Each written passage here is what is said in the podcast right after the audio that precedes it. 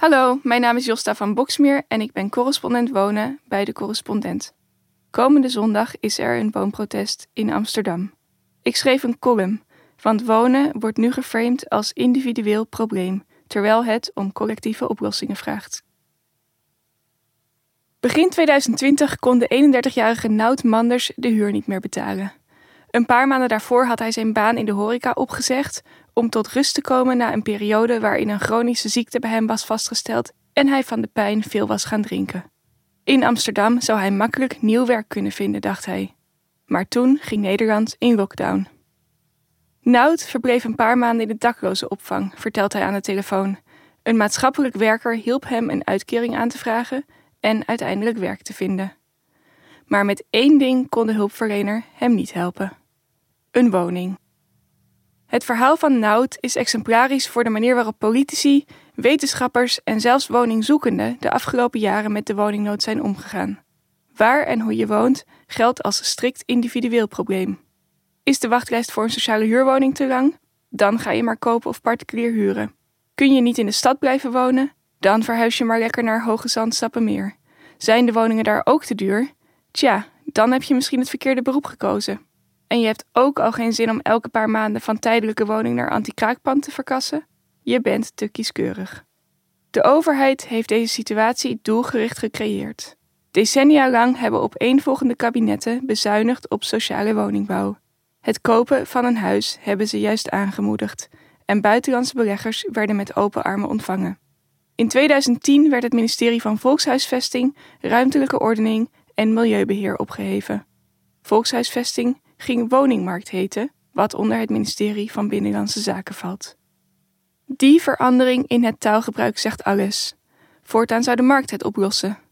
De overheid hoefde alleen de voorwaarden te bepalen, commerciële beleggers en ontwikkelaars zouden voldoende woningen bouwen. Als de vrije sector maar groot genoeg was, zou die vanzelf betaalbaar worden. Zo werkt het niet, blijkt wel uit de verhalen van Nout en tienduizenden anderen die dankzij de woningnood dakloos werden, noodgedwongen bij hun ouders wonen of een torenhoge hypotheek nemen om maar een huis te kunnen kopen. Het blijkt ook uit de wachttijd voor een sociale huurwoning, die in sommige gemeenten is opgelopen tot meer dan 10 jaar. En uit de huizenprijzen, die sinds de jaren 80 zijn verdriedubbeld. Dat het zover kon komen, ligt er ook aan dat veel mensen het individualisme hebben verinnerlijkt. In een wereld waarin de vrije markt regeert, is succes maakbaar en geluk een keuze. Maar daarmee zijn we ook iets fundamenteels uit het oog verloren. Wonen is helemaal geen probleem dat op het individu afgeschoven kan worden. Garanderen dat iedereen een goede en betaalbare woning heeft, is in de eerste plaats een opgave voor de politiek. Niet voor niets staat in de Nederlandse grondwet dat bevordering van voldoende woongelegenheid voorwerp is van zorg der overheid. Maar dat is meteen ook het probleem. Er is nog geen kant-en-klare oplossing voor de woningnood. Dat blijkt bijvoorbeeld uit de eisen van het woonprotest komende zondag in Amsterdam. Als de voorspellingen uitkomen, wordt het de grootste demonstratie tegen de woningnood sinds de jaren 80.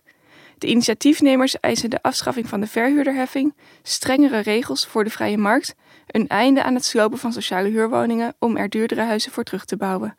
Goede voorstellen, maar een samenhangende visie is het niet. Dat is ook niet de taak van de organisatoren, zei mede-organisator Mieke Megawati Vlasblom tegen de Volkskrant. Ze zei: Maak ons niet verantwoordelijk voor een antwoord op de crisis. Het zijn niet de slachtoffers die met oplossingen moeten komen, maar de mensen die het systeem kapot hebben gemaakt.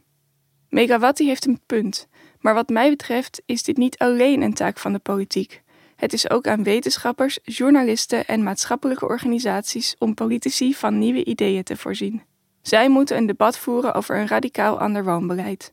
Een stelsel dat niet de regels van de markt als uitgangspunt heeft, maar wat mensen nodig hebben en wat ze kunnen betalen.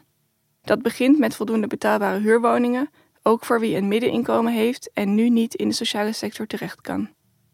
In plaats van voor te borduren op een status quo die overduidelijk schadelijk is, moeten we betere vragen stellen. Van wie zouden die betaalbare huurwoningen bijvoorbeeld moeten zijn? Beleggers, woningcorporaties, de staat?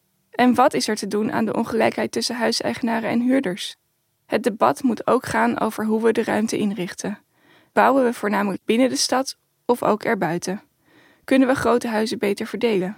En is er zoiets als een recht om te wonen op de plek waar je je thuis voelt, ook al is dat in een gemeente die te duur voor je is? Wat dat betreft is het woonprotest een kans, net als de woonopstand op 17 oktober in Rotterdam. Het is een gelegenheid om samen na te denken over oplossingen. Mensen opvangen die geen huis hebben, bijvoorbeeld. Nieuwe soorten organisaties die betaalbare woningen kunnen bouwen. Een systeem waarin schaarse goederen, zoals grond om op te wonen, beter worden verdeeld. En demonstreren om politici te bewegen in actie te komen. Nout is er in elk geval bij dit weekend. Hij slaapt niet meer in de opvang, maar een vaste woonplek heeft hij nog niet. Uiteindelijk kocht zijn moeder een staakerven voor hem, waar hij in de zomermaanden verblijft. En komende winter huurt hij een chalet op een ander vakantiepark.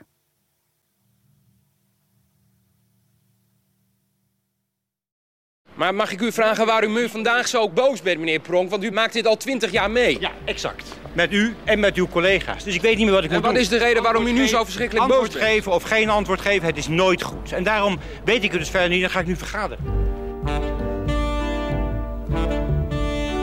Mijn naam is Anouk Nuyens en dit is Jan Pronk, politicus, oud-minister en sociaal-democraat in hart en nieren. Ik ontmoette hem zo'n negen jaar geleden omdat ik wat vragen had en Jan heel veel antwoorden. En sindsdien zijn we ja, vrienden. Hij werd vroeger wel eens het linkse geweten genoemd. En tot mijn schrik duikt hij nu soms ineens op als een stem in mijn geweten. Maar ik was toch jong, woke en feminist. Wat doet pronk dan in mijn hoofd? Maar dit mag je niet uitzenden. hè? Nee, dat, we praten nog Waarom steeds niet. niet? We praten toch nog steeds niet? Ja, we zijn nu al aan het praten. Oh, dan moet je even stoppen. Nee, wacht even. Ja. Nou, heb, nou heb je mij verleid, omdat we nog niet begonnen waren. Nee, je hebt me toch een beetje verleid. Wat kunnen we van hem leren? Waar heeft hij spijt van? En waarom is de sociaaldemocratie zo uit de mode geraakt? De politieke stroming die massa's mensen op de been kreeg en het gevoel gaf dat we samen alles aankonden en de wereld echt beter zou worden. Waar is dat verhaal gebleven? Luister binnenkort bij de correspondent naar Pronk. Een nieuwe podcastserie van mij, Anouk Nuyens. En van mij, Jacob Brantel, over linkse luchtkastelen en een geheugen dat nooit faalt.